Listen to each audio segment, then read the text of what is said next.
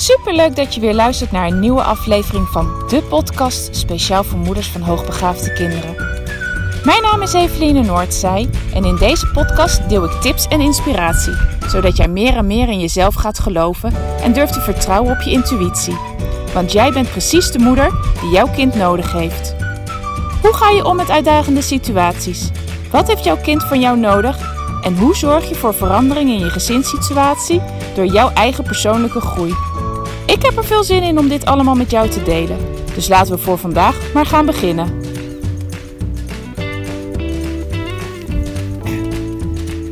Ha, lieve luisteraar. Nou, podcast 40 was gisteren en vandaag alweer 41. Oeh, oeh, het schiet op. We gaan naar de 50. En ja, ik heb het steeds meer helder wat ik ga doen als ik podcast nummer 50 heb opgenomen. Want dan uh, komt er ook een speciale actie. Iets wat ik ga aanbieden. Wat al uh, een tijdje in mijn hoofd rondspookt. Want dat ik dat heel graag wil opzetten. En dat is eigenlijk een hele laagdrempelige manier waarop ouders van hoogbegaafde kinderen even de hulp kunnen krijgen bij een vraag die ze op dat moment hebben. Ik heb uh, zelf gemerkt dat ik in uh, moeilijke situaties met mijn kinderen in het verleden echt wel heel erg behoefte had af en toe aan iemand die even zonder oordeel naar me luisterde en ook eventjes met me meedacht hoe nu verder. Even dat setje geven. En dat hoeft niet langdurig gesprek te zijn van een uur. De consulten die ik ook aanbied, Weet je, dat had ik natuurlijk kunnen doen bij een collega, maar daar had ik eigenlijk geen behoefte aan. Ik hoef niet zo'n diepgravend gesprek te hebben. Nou, wat ook dan weer een uur kost, of waar je dan naartoe moet rijden, of online. Dat maakt eigenlijk niet uit. Dat was niet de behoefte die ik had, maar de behoefte die ik had was echt, ja, eventjes iemand een berichtje sturen, even een, een, een kort moment, je vraag te zetten en iemand die even met je meedenkt. Nou, en ik denk dat, daar voor, voor, dat, dat dit voor meer ouders geldt, dat ze die behoefte hebben. Hè? En natuurlijk kan je het doen met een vriend of een vriendin, of je ouders, of je zus, of je broer. Uh, maar ja, nou ja, dat heb ik in ieder geval ervaren. Die staan er toch heel vaak met een bepaald oordeel in. Of een bepaalde visie, of die, ja, die niet, in ieder geval niet aansluit bij mijn kinderen, laat ik zo zeggen.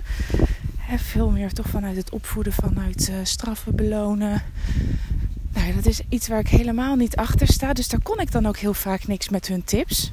Ik zal niet zeggen nooit, maar heel vaak kon ik daar niks mee. En dan had ik het gevoel dat ik er toch weer alleen voor stond. Of tenminste, dat we er samen alleen voor stonden. En dat ik uh, ja, niet echt terecht kom bij iemand. En nou ja, dat, ik, ik wil gewoon graag de persoon zijn waarbij jij wel terecht kan. En nou ja, ik, neem natuurlijk niet voor niks deze podcast op hè, met eh, heel veel gratis waarde waarmee jij uh, aan de slag kan voor jezelf. Maar ik kan me gewoon voorstellen dat je af en toe gewoon een hele specifieke vraag hebt of dat je heel graag een specifiek antwoord wil voor jouw situatie, voor jouw gezin, voor jouw kind. Maar die behoefte niet voelt om dan met mij een uur in gesprek te gaan in, een, in de vorm van een consult. En dat snap ik heel erg. En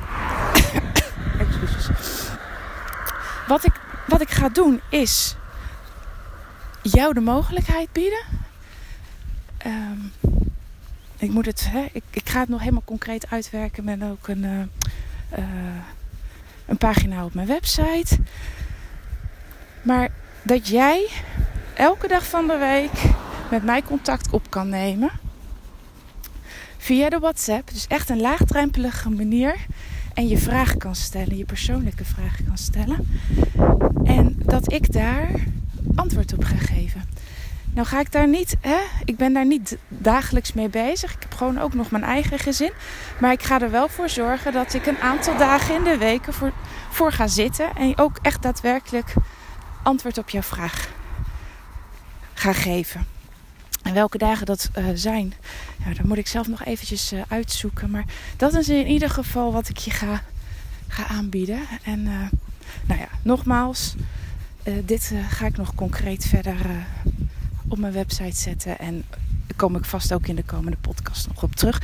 Maar dan weet je, dit is in ieder geval hetgene waar ik mee bezig ben. Dit is wat in mijn hoofd speelt. Deze laagdrempelige manier waarvan ik echt denk dat dat, dat, dat jou heel erg gaat helpen. Want hoe fijn zou het wel niet zijn als je gewoon elke keer als je ergens tegenaan loopt en het echt even niet meer weet, ondersteuning kan krijgen van een uh, onafhankelijk iemand met kennis van HB die met je mee wil denken. Nou, dat voor mijn aanbod wat eraan gaat uh, komen. Terug naar het onderwerp, tenminste beginnen met het onderwerp van vandaag. En dat onderwerp is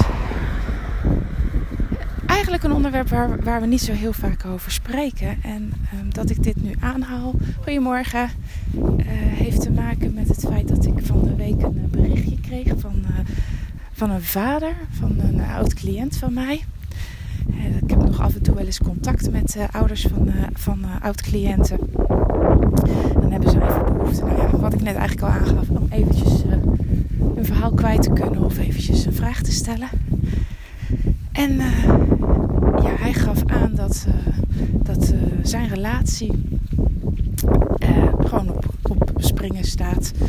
Omdat het zo'n impact heeft met hun kinderen. Wat er allemaal gebeurt. Dat de kinderen zo intensief zijn. En nou ja, eigenlijk al jaren de stress gewoon heel erg hoog is. En dat ze elkaar ja, momenteel echt niet meer kunnen vinden. En ja, dat deed mij denken aan geleden toen ik zelf in deze situatie zat. Waarin eh, het huwelijk tussen mij en mijn man ook echt voor geen meter meer liep. En dat had ook te maken met al jaren elkaar niet kunnen vinden. Gewoon geen tijd voor elkaar hebben gemaakt. Geen, uh, uh, zoveel stress hebben dat je, dat je ja, er gewoon ook geen puff meer voor hebt om, om nog met elkaar te praten.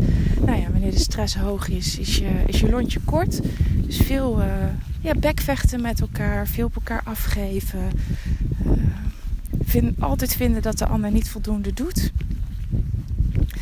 En op een gegeven moment waren we zo ver dat ik zei van ja, ik, ik, ik weet het gewoon niet meer. En hij wist het ook eigenlijk gewoon niet meer. Dat ik zei van, weet je, we hebben gewoon nu twee keuzes. Of we gaan uh, samen in, in relatietherapie.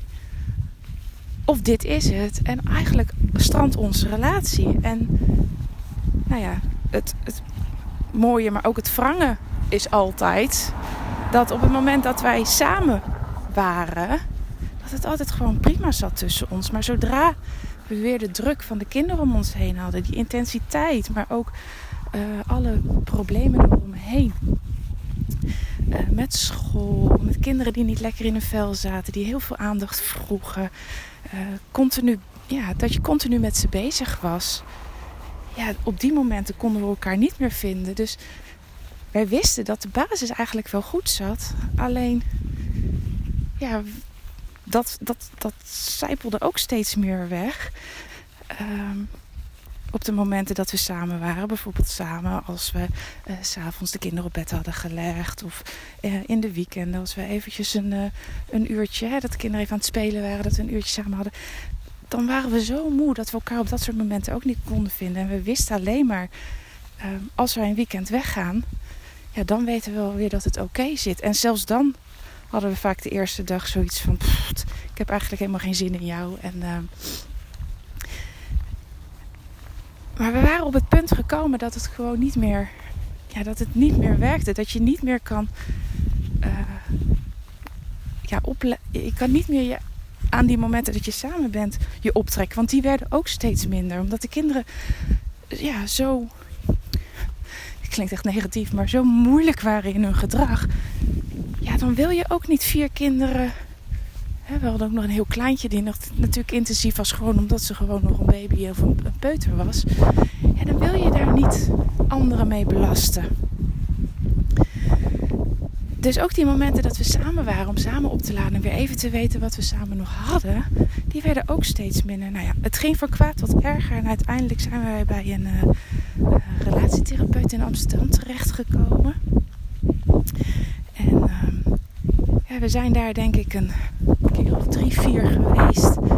En dat heeft ons zo ontzettend geholpen.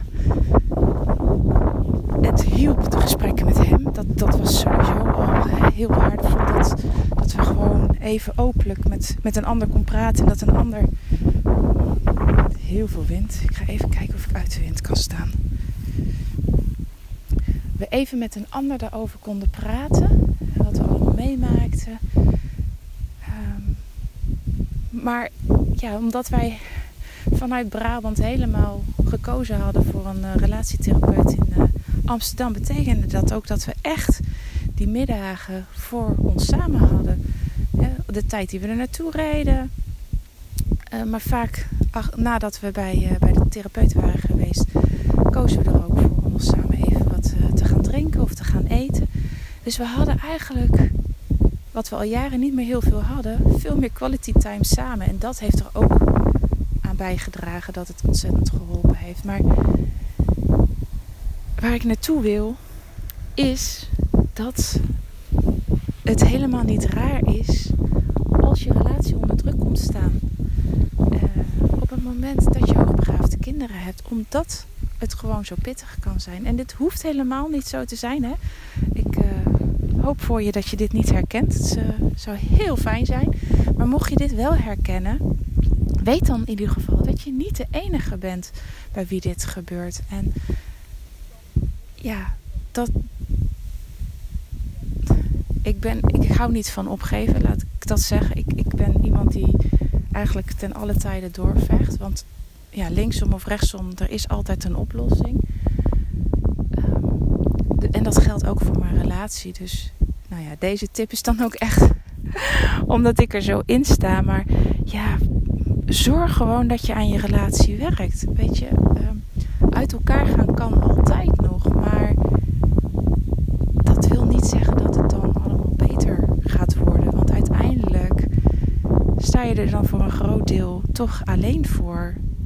Dan, dan kan je de zorg niet meer delen omdat je samen in huis bent s'avonds maar ben je altijd alleen. En uh, ik kan uit ervaring zeggen, en niet omdat wij uh, om die reden uit elkaar waren, maar op het moment dat ik alleen reis met de kinderen, dat is ook niet makkelijk. Dus, en ja, ik denk altijd dat je, uh, dat je het zelf waard bent om voor je relatie te vechten. Je bent niet, ooit, niet voor niks ooit bij elkaar gekomen. Um, maar daarnaast denk ik dat het ook voor de kinderen heel erg belangrijk is. Want ook een, een, een, scheiding of als je uit elkaar gaat, heeft mega impact op de kinderen. Weet je, nog een stressor erbij. Um, onderschat dat ook niet. Dus nou ja, als ik je van tip mag voorzien, uh, ga met je relatie aan de slag als je dit herkent. Hè. Stop tijd in, je, in jezelf als eerste. Hè. Zorg dat je energie hebt, want op het moment dat je zelf energie hebt. Goedemorgen.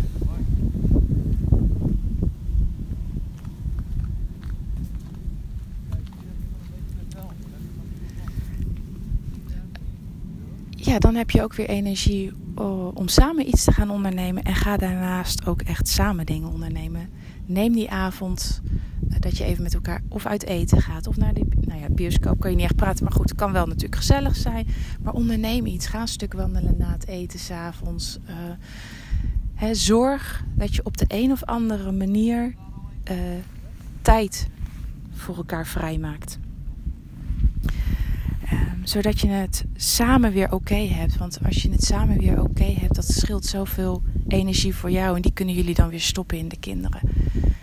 Um, en nou ja, dan hoor ik van veel ouders, en zover heb ik er zelf ook in gezeten. Ja, maar wie moet er dan bij mijn kinderen blijven op het moment dat wij samen um, uh, weggaan?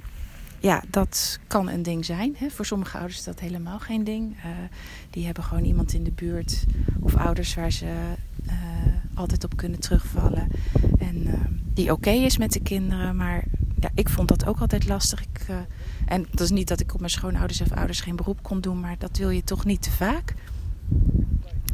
Ehm, en um, daarnaast durfde ik niet de kinderen zomaar bij iedereen achter te laten. Omdat ze af en toe, zeker met een, met een jonge meid, de vloer aanvegen.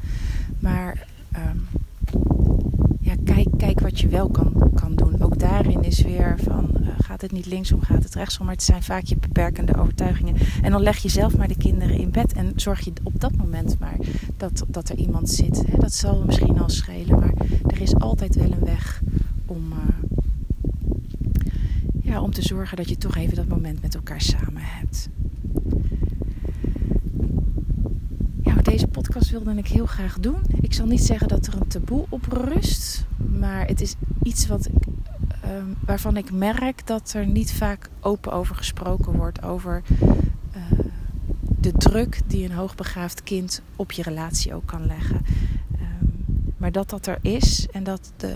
Ik zal niet alleen zeggen dat je kind er een druk op legt, maar gewoon de omstandigheden met je kind. Um, dat, dat is zeker wel wat, uh, wat bij meerdere ouders speelt. En, uh, weet in ieder geval dat je er niet alleen in staat. Nou, veel uh, wijsheid en sterkte in deze. Mocht je in een zo'nzelfde situatie zitten. En ik ga snel afsluiten en uh, loop lekker terug. Doei doei!